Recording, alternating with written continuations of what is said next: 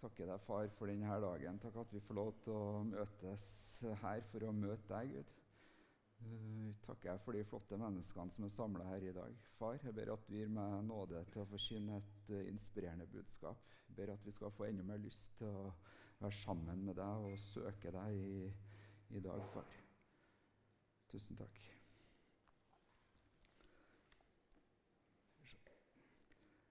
Ja, det er som uh, blitt utfordra på å dele Guds ord i dag.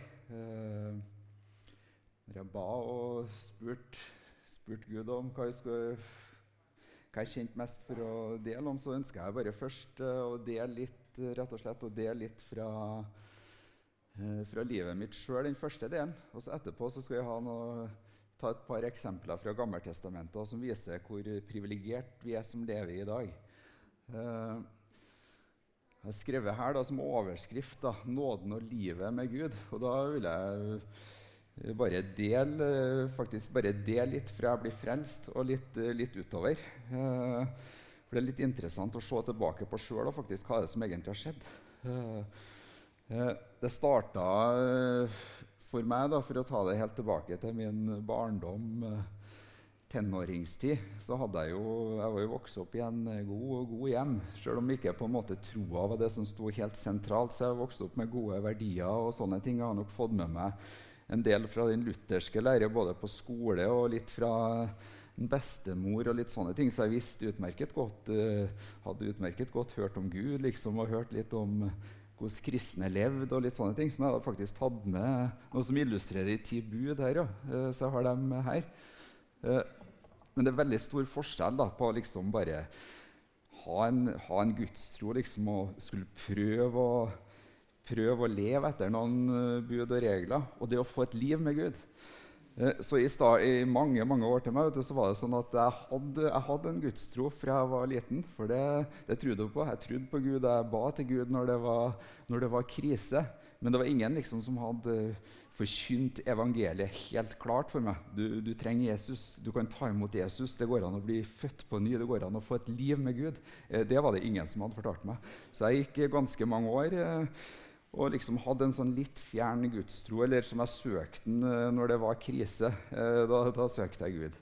Og når jeg, når jeg, kom i tenåringsalderen eller etter konfirmasjon, så var det veldig dårlig miljø på bygda i forhold til fest og alkohol, så da ble jeg liksom bare med sånn automatisk i en strøm der.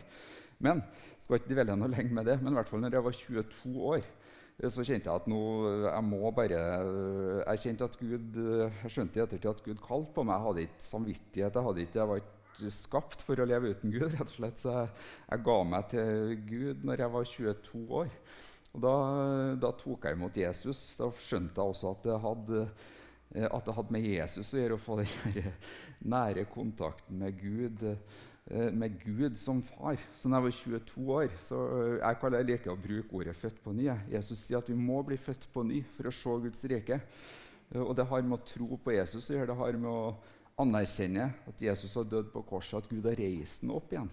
Eh, da blir vi frelst. Det er ikke gitt noe annet navn som vi kan bli frelst med utenom Jesus.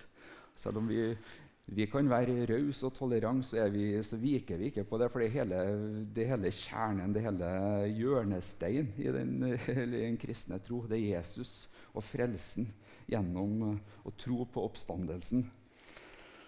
Eh, når jeg det var i 1994, desember 1994 at jeg ble frelst. Så da starta min vandring med Gud. Og så tenkte jeg at når jeg først hadde fått tak i den skatten her, så tenker jeg at dette her må jeg bare gå all in på. Liksom jeg kan ikke bare, Skal jeg liksom bare ha en litt sånn tro på avstand, eller skal jeg bare holde det for meg sjøl? Men det var mer sånn at når jeg møtte møtt Gud, når jeg ble fylt med hans fred og hans kraft og skjønte at wow, er det her det går ut på? det jeg tenkte.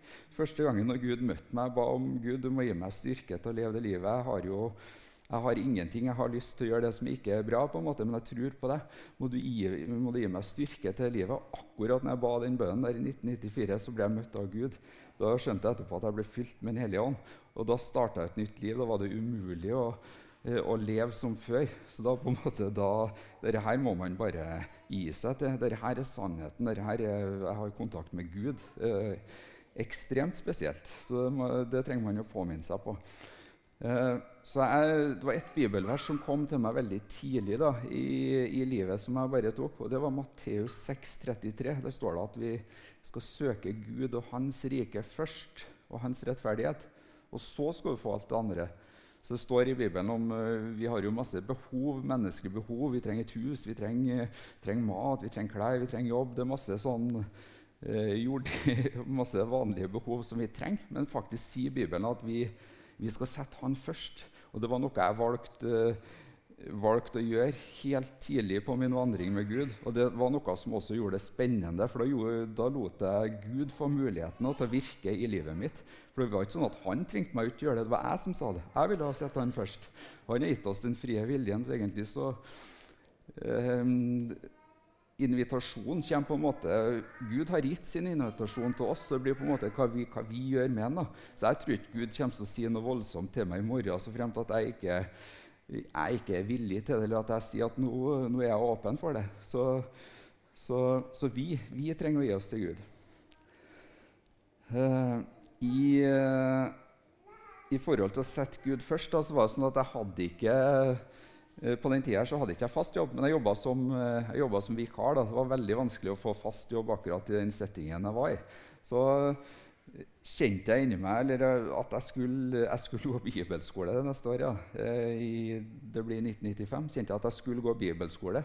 Men akkurat da også var det sånn at Eh, da dukka det plutselig opp noe jobbtilbud. Liksom, nå hadde jeg endelig muligheten til å få fast jobb.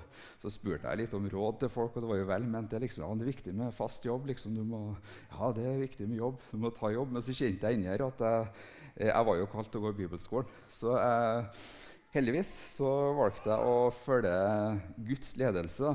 Og Den kan vi kjenne inni oss. Vi kan få fred for uh, riktige valg. I hvert fall sånn til meg så kan jeg kjenne en veldig sånn uro på et feil valg. Ikke gå på uro. Da, da, er det noe som Gud eller vårt indre som prøver å si oss noe om veien videre. Men jeg kjenner fred. Eh, fred på innsida det er en, i hvert fall en måte jeg kjenner Gud leder på. Så jeg valgte å gå bibelskolen i 95-96. Det, eh, det, var i lokalet her. da. Det, det var ned her, så der vi bruker å ha kafeen. Der, der har jeg sittet og fått veldig mye god undervisning for eh, ca. 25 år siden. Så det er veldig spesielt. Eh, på, den, eh, på bibelskolen da, så ble vi utfordra på å eh, se ca. 25-30 år fram i tid, og hva vi ønsker at hvordan livet vårt skal se ut. Så egentlig det jeg sitter og forteller nå, det er det jeg ble utfordra på der. Eh, hvordan vil du at livet ditt skal være? Så det er egentlig en sånn litt uh, referat fra det. da. Uh, I forhold til å sette Eh, sette Gud først og stole på Han i livets viktige valg, så, så sa jeg også til Gud at uh, jeg sa til Gud at i forhold til, Man tenker jo på, Det er ikke noe unormalt å tenke på en kjæreste eller en fremtidig kone. Jeg var singel på den tida der, så jeg ba Gud om at uh, den uh, dama da, jeg blir sammen med, det skal være den jeg gifter meg med. Det ba jeg sikkert om i 95-96, rundt der. da. Og Kona mi sitter der, da, Elisabeth, så det gikk akkurat som jeg ba om. Så vi gifta oss i 1998, da, så vi har vært gift i 22 år nå.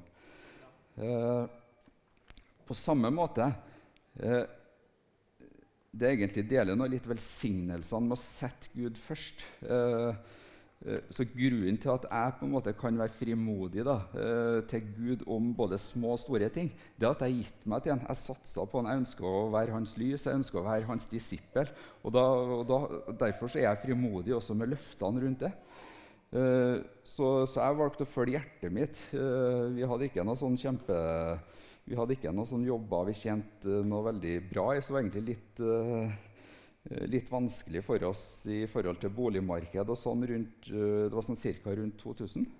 Og da eh, I forhold til Da var Gud veldig, veldig nådig. Men det å komme litt på en sånn eh, På en invitasjon fra oss sjøl Det har også veldig mye å si hva vi tar ut som kristne. På, på godt og vondt. Så det, vi så veldig vanskelig på oss å skulle få oss litt større hus, for vi venta barn, og vi, vi, trenger, vi, større plass. Så sier Elisabeth når vi kjører liksom på Eio fra Binneset, så sier at eneste måten vi kan ha mulighet til å komme oss inn, uh, få kjøpt oss et hus på, det er, hvis, det hvis det er noen kristne som skal selge. Og så får vi vite før det blir lagt ut uh, på visning. Da kan vi ha en mulighet. Ellers så trodde vi at det var veldig små sjanser. Så, og utrolig nok så var det uh, Da var det også Nå kommer jeg ikke på hvor mange måneder før dette var, da, men det er faktisk, faktisk det som skjer. da, at Kjempa det, kjempa det godt. Det var en kveld vi satt og ba sammen. Vi lurte, følte at det var noe litt spesielt. Så hadde vi tre alternativer hva vi skulle gjøre den kvelden. der. Og Da ba vi om Gud, er dette viktig hva vi skal gjøre i kveld. Og så Da havner vi en plass der vi, der vi får høre om et hus da, fra noen kristne som legges ut for salg, som vi, som vi får kjøpt. Det var et eksempel på Guds godhet, på hans velsignelse. Når vi setter Han først, så kan Han velsigne oss selv om det ser helt mørkt ut. Det er en oppmuntring hvis man står i i vanskelige ting sjøl, om det er små eller store ting. Eh, sett din lit til Gud, og han vil på sin måte hjelpe deg ut av det. Noen ganger gjør han det helt konkret ut fra det ber om, og noen ganger kan det selvfølgelig være at, uh, at svaret også kommer på, en, kommer på, en, annen måte. Men det er et spennende liv. Fortsetter litt på, litt på ferden. uh, i, vi hadde også kjent på det i flere, eller spesielt jeg hadde kjent på det i flere år at jeg måtte eh, jeg mangla litt. på en måte. Jeg tror det er meninga man skal sette seg enda mer Jeg trenger å få på plass enda mer i mitt kristne liv. Så jeg, vi kjente på et kall da, eh, til å gå på bibelskole igjen. Og så Det endte med at vi for ned til Oslo Kristent Senter. Det ligger på Lillestrøm. Vi for ned der i 2003. da, og der på en måte ble et sånn veldig sånn perfekt timing. da. Jeg tror det var veldig sånn i sporet at vi var der. og vi, vi ble veldig hva skal jeg si, gjenoppretta og trygg, trygg, på Guds nåde.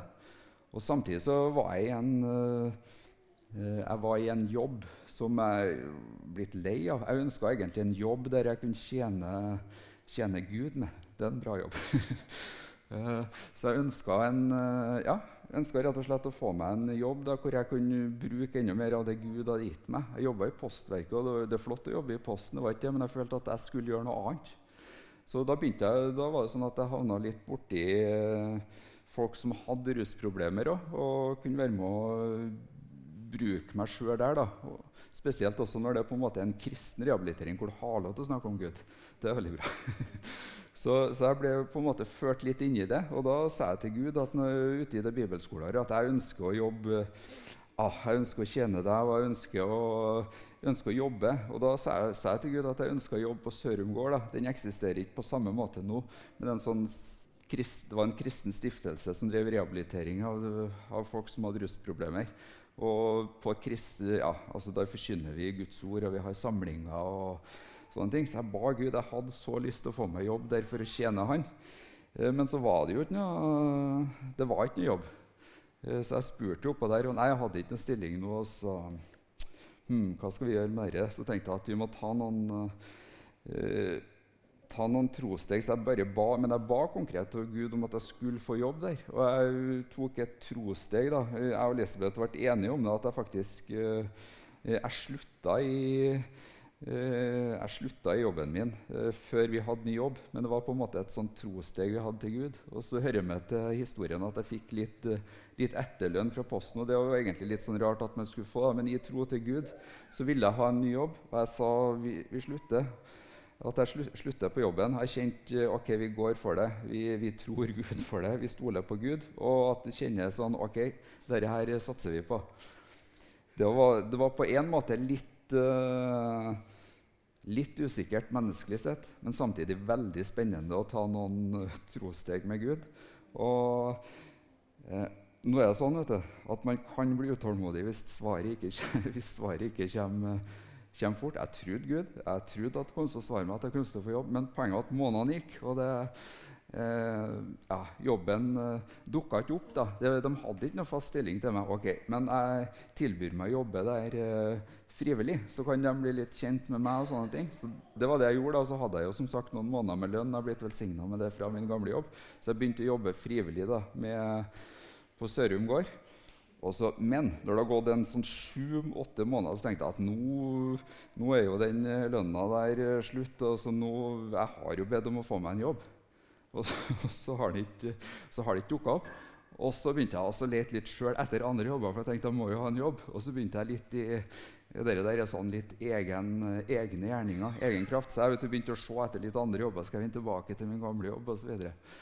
og så jeg, hadde jeg kontakta min gamle jobb, og så var jeg på vei en annen plass som har vært helt ok å jobbe der. Men det var jo ikke det, det, jeg skulle gjøre. Så kjører jeg i bilen og så sier jeg til Gud ja, nå kjører jeg, skal jeg bare kjøre innom der nå, og ta jobben der. Og så kjenner jeg bare inni meg nei, nei, nei, ikke gjør det. Så jeg kjente bare sånn Ikke at Gud svarte med en stemme, men jeg kjente bare sånn inni her Nei, ikke gjør det. Så ok, jeg drar ikke innom der. Jeg gjør ikke det.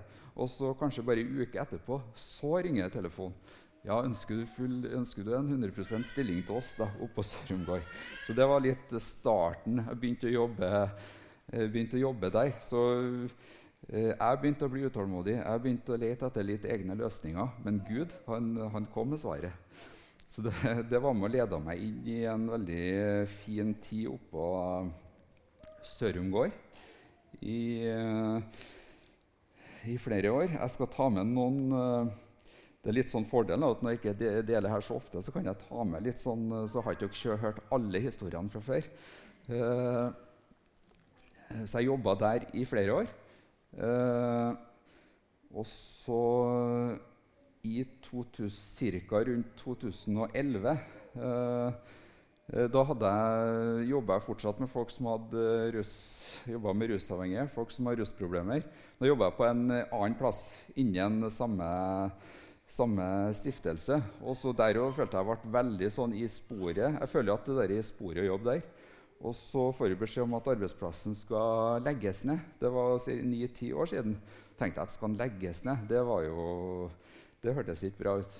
Og så tenkte jeg men det er jo sånn, man må, man må ha en jobb, liksom. Og da, da, må man begynne å se seg etter en jobb. Men jeg følte jo at det var der jeg skulle, der jeg skulle jobbe. Men måte, de sa jo at nei, det skal ikke Eh, arbeidsplassen her skal ikke bestå lenger, så da må jeg jo ha noe annet. Så da begynte jeg litt sånn da òg, å lete etter noe annet. Og så tenkte jeg at eh, det her, eh, jeg har jo ikke noe inspirasjon. Jeg har ikke noe motivasjon til å, til å lete etter en ny jobb, for jeg ønsker å jobbe med det der. Og så spurte jeg Gud hva, spør jeg Gud sånn, hva, hva skal jeg gjøre. Eh, og så kjente jeg bare inni meg at jeg skulle gjøre ingenting. Altså ingenting svarte inni meg når jeg sa hva skal jeg gjøre. Ingenting. Okay, det, det, var jo litt av et svar. Får jo som regel beskjed om å gjøre noe. Men jeg følte at jeg skulle gjøre ingenting i 2011. Altså, ok, eh, Jeg trodde det var Gud, for det var han jeg spurte, og da trodde jeg det var han som svarte inni meg. Så jeg gjorde ingenting. Uh, for jeg hadde heller ikke noen drive, noen inspirasjon til å gjøre noe. For jeg kjente at uh, ok, så det var riktig. Jeg skulle gjøre ingenting. Så etter noen uker så ringer plutselig telefonen. Da min gamle sjef på den jobben som ble lagt ned. Da, da skal den arbeidsplassen startes opp allikevel. i en annen plass. Så spurte han om jeg var interessert i å jobbe der. Og da sa jeg jo ja, for jeg følte det var Guds, uh, Guds ledelse og Guds kall i livet mitt. Så da bare sa jeg ja, det ble vi med på. Og nå har jeg jobba Uh, jobba der, da. Uh, eller i det samme. Nå har vi blitt flytta litt, litt, frem og tilbake. Eh, men jeg jobber, jobber der nå. Jeg vil ta med én eh, Jeg skal snart eh, lande inn i forhold til hva jeg deler sånn helt personlig nå, og så gå over til mer til Guds ord fra Bibelen. Men i 2012 eh, så hadde jeg også gått og kjent på noe inni meg at jeg følte det var litt vanskelig å dele evangeliet med folk. At det var litt for sjelden at jeg kom i prat. Med, jeg har stort, et stort nettverk av folk som ikke kjenner Gud, så på en måte har en stor stor misjonsmark. Så hadde jeg kjent på det. Hvordan kan, vi, hvordan kan jeg nå ut? mer til, til, dem rundt meg. på en måte. Jeg følte det ble litt for sjelden at du kunne ha den uh, gode samtalen. Og da kjente jeg at Gud utfordra meg. Han utfordra meg. Jeg har delt det en del med, med flere av dere før, men han utfordra meg på å skrive ned vitnesbyrdet mitt. Så i 2012 tok jeg og skrev ned jeg jobba ganske lenge med det, selv om det var et lite hefte. Men jeg følte jeg ville skrive ned det viktigste jeg ønsker å dele med en person som ikke kjenner Jesus. Hvis jeg bare får han snakke med en én gang i livet, så, så, føler jeg jeg har fått skrevet ned det her. på en måte. Dette her må du, herre må du få med deg. Så de heftene her òg ble en sånn forlenga arm da, i disippellivet mitt å nå ut. Eh, noen ganger kan jeg dele dem ofte, og så kan det gå lengre tid. Men det har vært veldig spennende. Og også har jeg også fått lov til å nåde til å dele det ut uh, gjennom jobben min. Men der må jeg være litt uh, det er sånn i Norge du, Når du jobber i helse og i det offentlige, så skal alt, alt skal være sånn nøytralt. Du skal ikke være noe påvirke noe politisk eller med religion. Så jeg må bruke Guds visdom. Ja. Men samtidig så kjenner jeg at jeg tjener Gud. Uh, at han er nummer én i livet mitt. Så hvis det står om å uh, om det så skulle ha stått om å miste jobben min eller gjøre det som Gud har for meg, så, så må jeg stole på Gud. For jeg stoler på at han, uh, at han sørger for meg. Og gjennom at jeg også har vært frimodig, så vet jeg at jeg har vært med og redda folk eller at noen har fått et nytt liv eh, med Jesus. Og Det er spesielt én eh, jeg tenker på som, eh, som, jeg var frimodig og snakka med og delte med i 2016. Han får vi kanskje høre her en gang, og han er på evangeliesenteret. For han var jo en veldig tung rusavhengig i byen her og hadde levd på helt feil side av livet sitt. Så fikk han lov til å møte Jesus. da. Eh, og det er fantastisk å bare få lov til å være en liten brikke i det. Nå er det Gud som Gud er den som gir vekst, men så får vi nåde til oss å være med enten å dele Guds ord, backe opp folk, noen støtter folk økonomisk. Så alle sammen får vi lov til å være med på ulike måter. Og så er det ekstra privilegium hvis du får lede noen til Jesus. Eh, men det er Gud. Eh, Gud er den som gir vekst, og som skal ha æren. Eh, nå er det sånn at livet er jo sånn at uh, det, blir, det, blir, forandringer. Så faktisk Når jeg sier noe liksom at for ni år siden så var det sånn med jobben min at den skulle legges ned Så for dere som har fulgt med litt, da, eh, enkelte av dere vet det, så er jeg faktisk sånn nå òg. Så jeg har fått beskjed om at, jobben skulle legges ned. Kanskje noen hadde fått med seg at vi hadde prøvd å påvirke litt i, i media og forskjellige. For, for nå òg.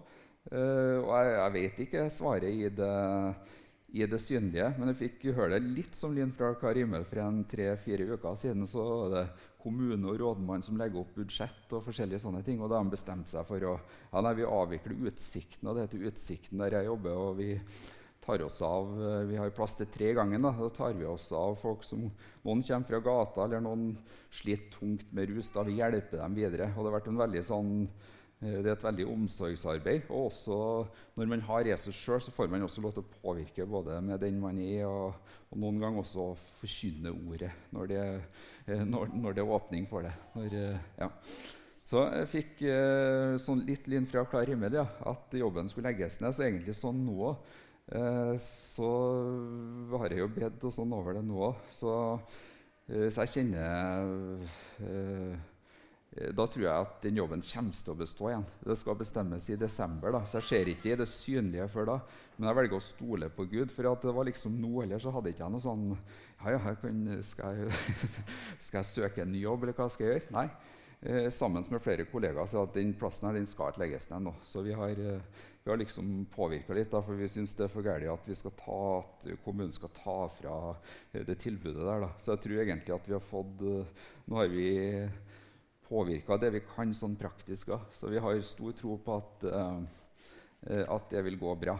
Uh, så det, det, var litt uh, det var litt sånn, Nå tok jeg litt sånn høydepunkt i livet. Husk på at Det jeg fortalte nå, det er, jo, det er jo på en periode på over tenkte, Opplevde du så mye? Ja, men husk på at det der, er jo noen år imellom. Så dette var fra jeg ble frelst rundt 94-95, og til nå så tok jeg med noen sånn litt høydepunkt for å vise at Gud han er med. Men jeg tror det var veldig viktig for meg at jeg helt i starten av mitt kristenliv at jeg bare gir meg til Gud. Jeg kunne liksom valgt å holde den på avstand og bare jeg fikser livet sjøl. Jeg ønsker å ha billetten til himmelen, men jeg ønsker ikke å gjøre noe mer ut av det. Men da har jeg jo gått glipp av alt det spennende der. Jeg kunne gått glipp av veldig veldig viktige ting. Så jeg syns det er kjempespennende å være øh, Og heller øh, satse på Gud, gi seg til Gud. Uh, nå, ta, nå ønsker jeg altså dele Eh, det er litt fra, fra Gammeltestamentet.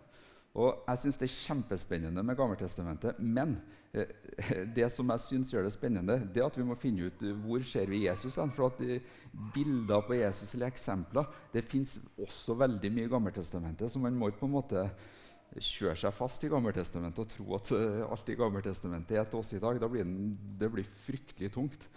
Og dere som har lest litt i Bibelen, og så at det var veldig tungt for israelsfolket å bare prøve, prøve ting i egen kraft. Så vi skal ta oss og gå uh, Vi skal gå til Vi skal se litt på uh, litt på Moses.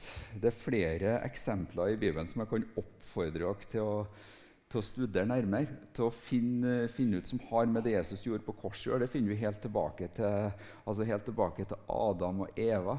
Helt tilbake til Kain og Abel. Så finner du på en måte eksempler på, på at Jesus skulle komme. Eh, det var sånn at, eh, Jeg bare tar med den kort. da. Eh, det står i Bibelen da, om Kain og Abel. Dere som er bibelkyndige, kjenner historien. Men det var sånn at det ender jo med at han slår i hjel eh, Abel. Men det var sånn at Abels offer det behaga Gud. Men det var faktisk han ofra eh, han ofra et perfekt lam til Gud, og det står at det var, at det var velbehagelig. Mens Kain han ofra av, av, det han jobba med. Det tok han også ofra til Gud, men det hadde ikke Gud det står det at hadde ikke Gud behag. Hva er det her for noe? Jo, det er et bilde på Jesus. At det var bare én nå er det jo Gud som har satt det sånn i Gammeltestamentet at det måtte, måtte et offer til, eller det måtte, uh, ja, det måtte et offer til på grunn av synden. Så, og det har også med nåden å gjøre. Det, det var ikke eget strev som hjalp, det merka jeg i livet mitt sjøl før jeg tok imot Jesus. Det var ikke eget strev, og det må vi heller ikke kjøre oss fast i i kristenlivet. For at det er av uh, nåde. Og nåden er helt annerledes. Uh, ok, da uh, Jeg var ikke noe godt kjent med Det er mange som er godt kjent med Moses og Bibelen. Noen er kanskje veldig godt kjent, andre ja, er kanskje godt kjent. Men i hvert fall så ønsker jeg bare å ta med litt fra, litt fra Moses da, for å vise noen eksempler, oppmuntre oss i dag. Eh, nå er det sånn at Gjennom Moses' i tid så, var, så levde han i, i tid på en måte hvor de på, de hadde jo både vært på flukt fra farao, de ble jaga, de var i trelldom og slaveri. altså Moses ble jo kalt til å løse ut eh, Guds folk. Uh, og så denne historien her, nå, jo, er jo, Det er så lange historier, så jeg må prøve bare å få med hovedpoengene. Eh, men i hvert fall når israelsfolket og Moses går i, i ørkenen, da, så er de på vei til, til Sinai fjell. Og det var også på, på Sinai fjell da, at Moses han mottok de, de ti bud. Så inni den historien hvor jeg deler litt nå, så har han allerede fått Han har ikke fått steintavlene, men han, han har, Gud har talt til ham hva som skulle uh, stå på den loven da, som Gud ville i Israel. For Gud hadde utvalgt seg både Moses og Israel, altså jødene som sitt folk i Gammeltestamentet. Eh, på den tida der. Og alt det gammeltestamentlige det har en hensikt. Det var for å bringe fram Jesus. Det er det som gjør det spennende, hvis vi får med oss med litt, eh, litt helheten i, i, det gammeltestamentlige. Så jeg tar, eh, jeg, har, jeg, har, jeg tar, meg tid til å lese, ikke lese alle, alt sammen, men dere kan se det her mens jeg, tar, jeg leser opp det, prøver å få med det viktigste her. Moses, da, når, når Gud taler til Moses Eh, på Sinai, så får han eh, eh, så får han noen forskrifter. Gud du, han, elsker, han elsker mennesker. Han elsker Moses, han elsker jødefolk. Han ville være sammen med dem. Men, men poenget er at folket var syndig, og Gud var hellig. Så Gud gir her noen instrukser hvordan, hvordan de skal kunne få til å være litt sammen med, med Israels Gud. Da. Og Der får Moses beskjed om å bygge Eh, han får beskjed om å bygge det som heter paktens ark. Det, det er flere ord. Det, det kan, ja, en ark, eller paktens ark. Det var rett og slett en eh, Jeg tar også switcher fram, så skal dere få lov til å se den, eh, den der, der. Det var en paktskiste som Moses fikk, fikk beskjed om å lage. Og, og, det skulle på en måte være en plass der Gud skulle åpenbare sitt nærvær og sin, sin herlighet. Og denne paktskista den skulle være de bruker noe sånn, bruker brukt centimeter og meter i Bibelen. De brukte alen. Og så er de litt uh, usikre på hvor mye en alen var. Men den er ca. 50 cm. Og sto at den kista den skulle være 2,5 alen. Det tilsvarer at den var ca. 1,5 meter brei. Og så var den ca. 75 cm uh, høy. Og ja, nå, nå var den 1,5 meter lang. Den var ca. 75 cm bred og 75 cm høy. Der skulle, det fikk Moses beskjed om å lage. Og eh, oppi Vi kan, kan, se på skrift, skriftstedene nå, så vi får med oss det. Uh, jeg skal ikke ta med alle detaljene på den arken, men, men det, skulle, det, skulle, være en plass der Gud skulle åpenbare sitt, sitt, nærvær. Det som var spesielt da oppi den kista, eller blir både kalt lovkista eller paktkisten, så skulle Moses da han skulle legge, etter hvert så skulle han legge de ti bud der. Eh, det står noe om vitnesbyrd der, men det blir forklart at det var de ti bud. Så de ti bud skulle ligge oppi den paktkista.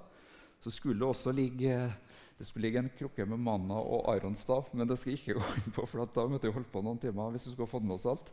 Men det som er poenget mitt, de ti bud det skulle ligge oppi, oppi arken. Det skulle ligge oppi den, uh, oppi den kista der. skulle de ti bud ligge. Noe som var like viktig som, uh, som selve kista, det, det var lokket oppå. For at det måtte Har dere hørt om ordet nådestol? Har dere hørt om det i Bibelen? Er det noen som har hørt ordet? Ja.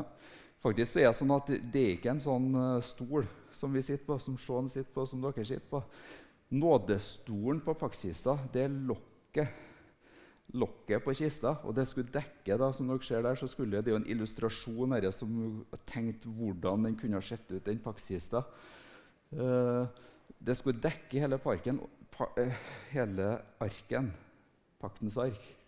Må holde tunga rett i munnen her. Det var veldig viktig. For at Gud skal kunne være sammen med dem, så måtte, måtte dekkes med et, gull, med et lokk som var av gull. Hvorfor? Eh, tenkte du, hvorfor, hvorfor måtte de ti bud gjemmes?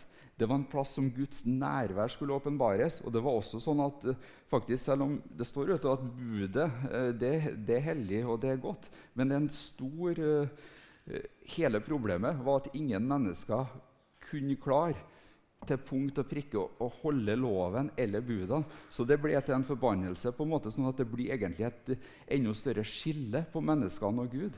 For Det sto at budet også skulle gjøre synden over måte. Synden, på en måte den skulle, det var også synd i, i verden før, før, Moses fikk de ti bud. Men med budene på en måte, så, så ble folket enda mer skyldig. Det står i Romerne. på en måte At det ble enda mer sånn Wow, Gud er hellig, vi er ikke hellige.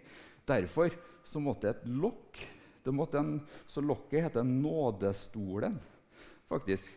Og, og, så sier Gud noe Skal vi se Det kommer, kommer et bra poeng. Du tenker, hvor, hvor Er du sånn spesielt interessert i det her? Ja, jeg er interessert i det, for det, det, er veldig, eh, det, er et veldig, godt eh, bibelsk poeng som betyr noe i dag. Skal vi se det Gud sier da, til Moses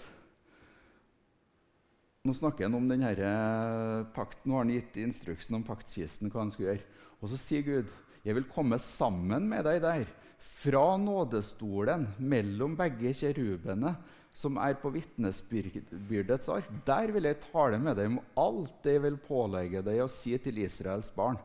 Så er også dette godt forklart i Nytestamentet, bl.a. i hebreerne om det her. Så Gud han sier til Moses jeg skal komme sammen med deg på den paktkista her. så skal jeg komme sammen med deg, Men det blir over nådestolen.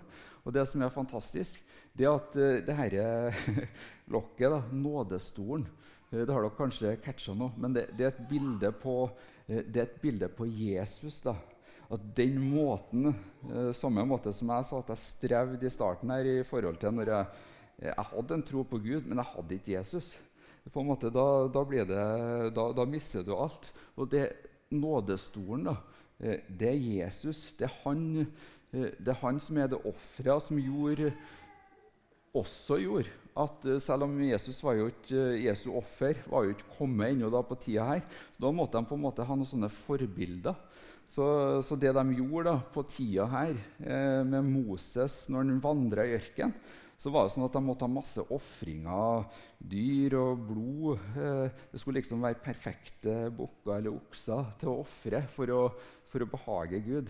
Og jeg synes Det var bra en oversettelse i, i, som sier også i hebreerne at Gud han hadde jo ikke noe eh, han syntes ikke det var noe bra liksom, med, med dyreofringer. og alt det. Det var jo ikke det som var hans opprinnelige plan, men, men han hadde sagt det sånn at det måtte, det måtte et offer til for å sone den synden og den skylda menneskene hadde kommet, eh, kommet, inn, komme inn under.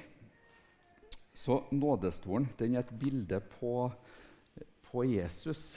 Eh, så hvis Gud da kunne komme nær eh, jødefolket, kunne komme nær eh, Israels folk i Det gamle testamentet, hvor mye mer kan ikke han være nær oss i dag? Det sier Bibelen. For han sier at den pakten som vi har med Gud, den er gjennom at vi tror på Jesus, og at vi har fått Den hellige ånd. Og det står det at det er en mye, det er en mye bedre pakt. For det står faktisk at uh, nå, nå, var det veldig spesielt det Israels folk har opplevd. Hvis dere har uh, lest eller leser i, i Mosebøkene, andre Mosebok, uh, f.eks. her i kapittel 20, uh, fra vers 36-38, var jo veldig spesielt. Guds herlighet hvilte over den gudstjenesteplassen som jødefolket hadde.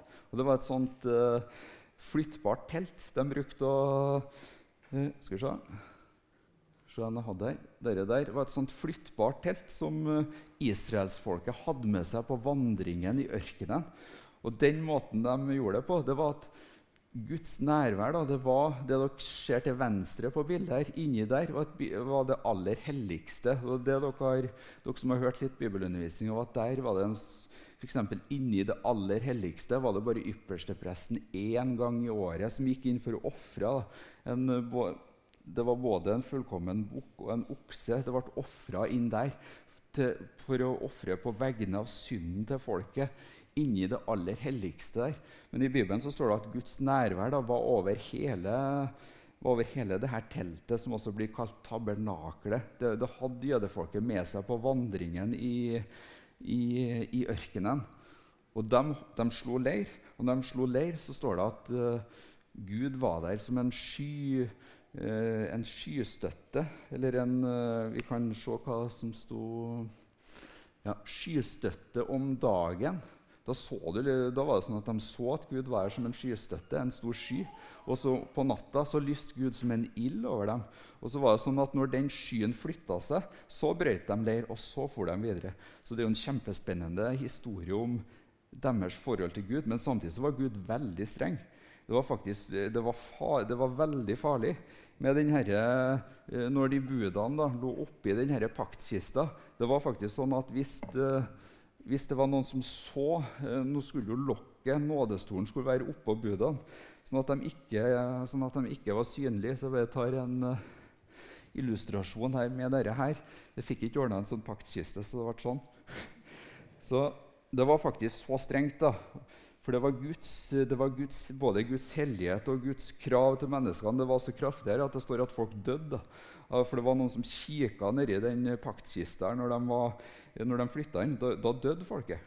For det, det, var Guds hellighet. Det, det, står at ingen kunne se Gud og, og leve ansikt til ansikt, for han er for kraftig. Så det var, det var på en måte Guds, både Guds herlighet og den herre Eh, også de disse kravene da, som, som, måtte sones. Gud han måtte uh, Nådestolen, Jesus, offeret, måtte være over de disse budene og kravene. Og det dette her, da, som, som, jeg føler er så viktig å si til oss som kristne, det er at uh, vi må ikke legge oss under masse krav som vi ikke, ikke klarer å, å oppfylle. For da, da, blir det litt sånn at vi, vi, trekker oss litt mer bort. Eller det blir på en måte ah, det blir for tungt på en måte å være kristen da, og leve under krav. Så det vi trenger å gjøre, det å leve Jeg har jo overskrift her. Var, var nåden.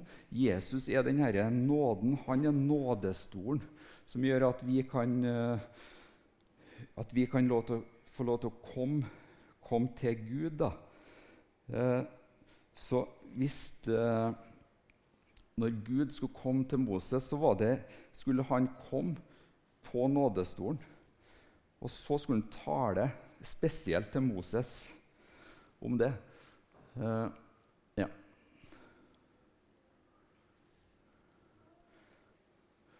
Bare les, uh, bare for å bekrefte at det står senere i Mosebøkene, og det jeg deler nå.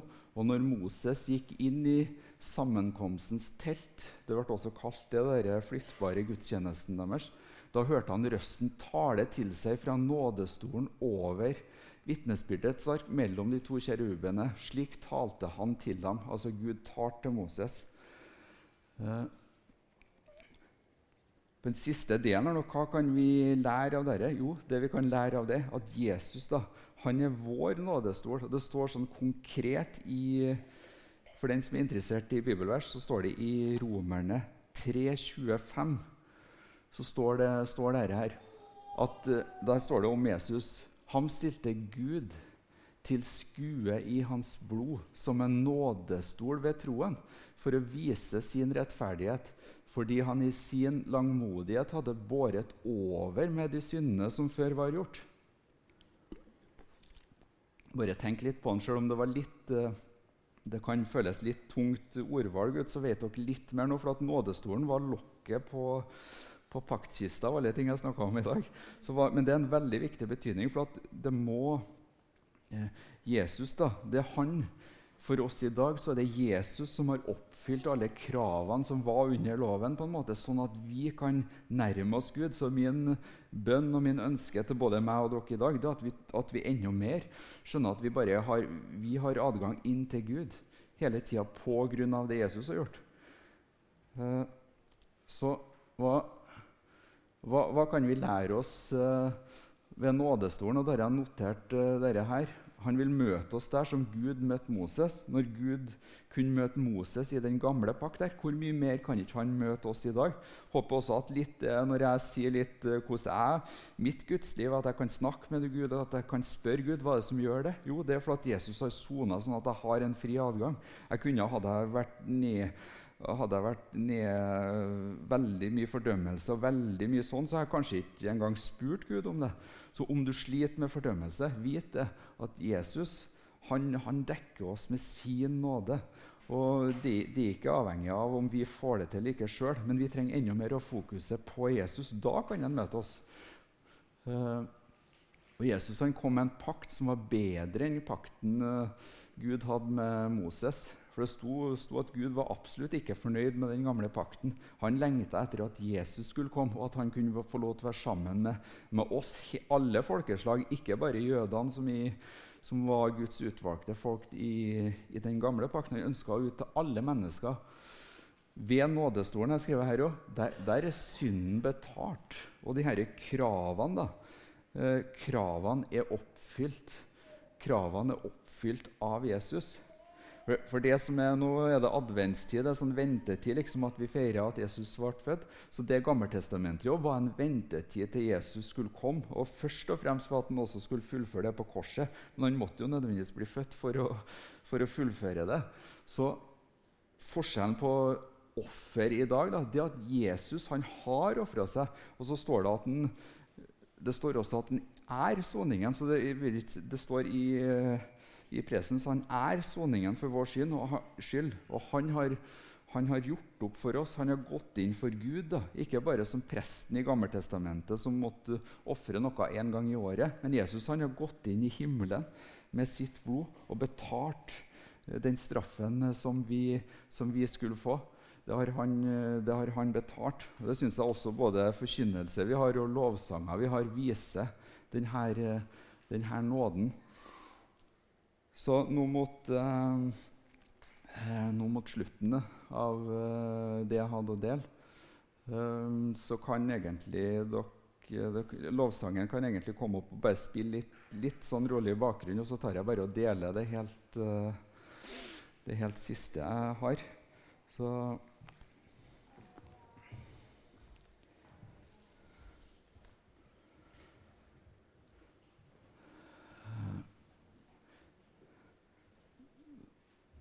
Så gjennom det, som, uh, gjennom det, som, jeg har delt i dag, og det som Guds ord sier, så tror jeg det er en invitasjon til at hvem som helst også kan høre, kan høre fra Gud i sitt liv. Om det er på en måte i din samvittighet, om det, ja, kan, og det er et veldig spennende liv.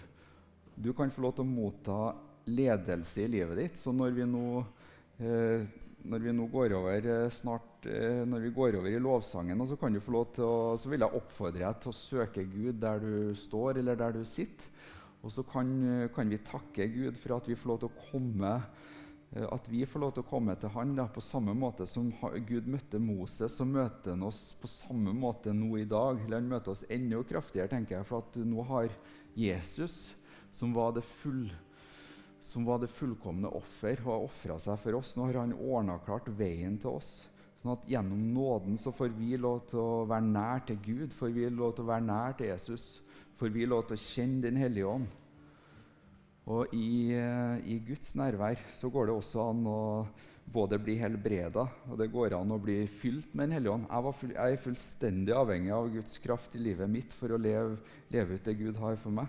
Så når vi kan eh, så bare oppfordrer oss til når vi tar de lovsangene nå på slutten av gudstjenesten, til å søke Gud. Om det, om det er noe spesielt og du vil ha forbønn for, så kan du snakke med Sean eller meg etterpå. Eller så søker vi Gud uh, der vi står eller sitter. Ja, takk.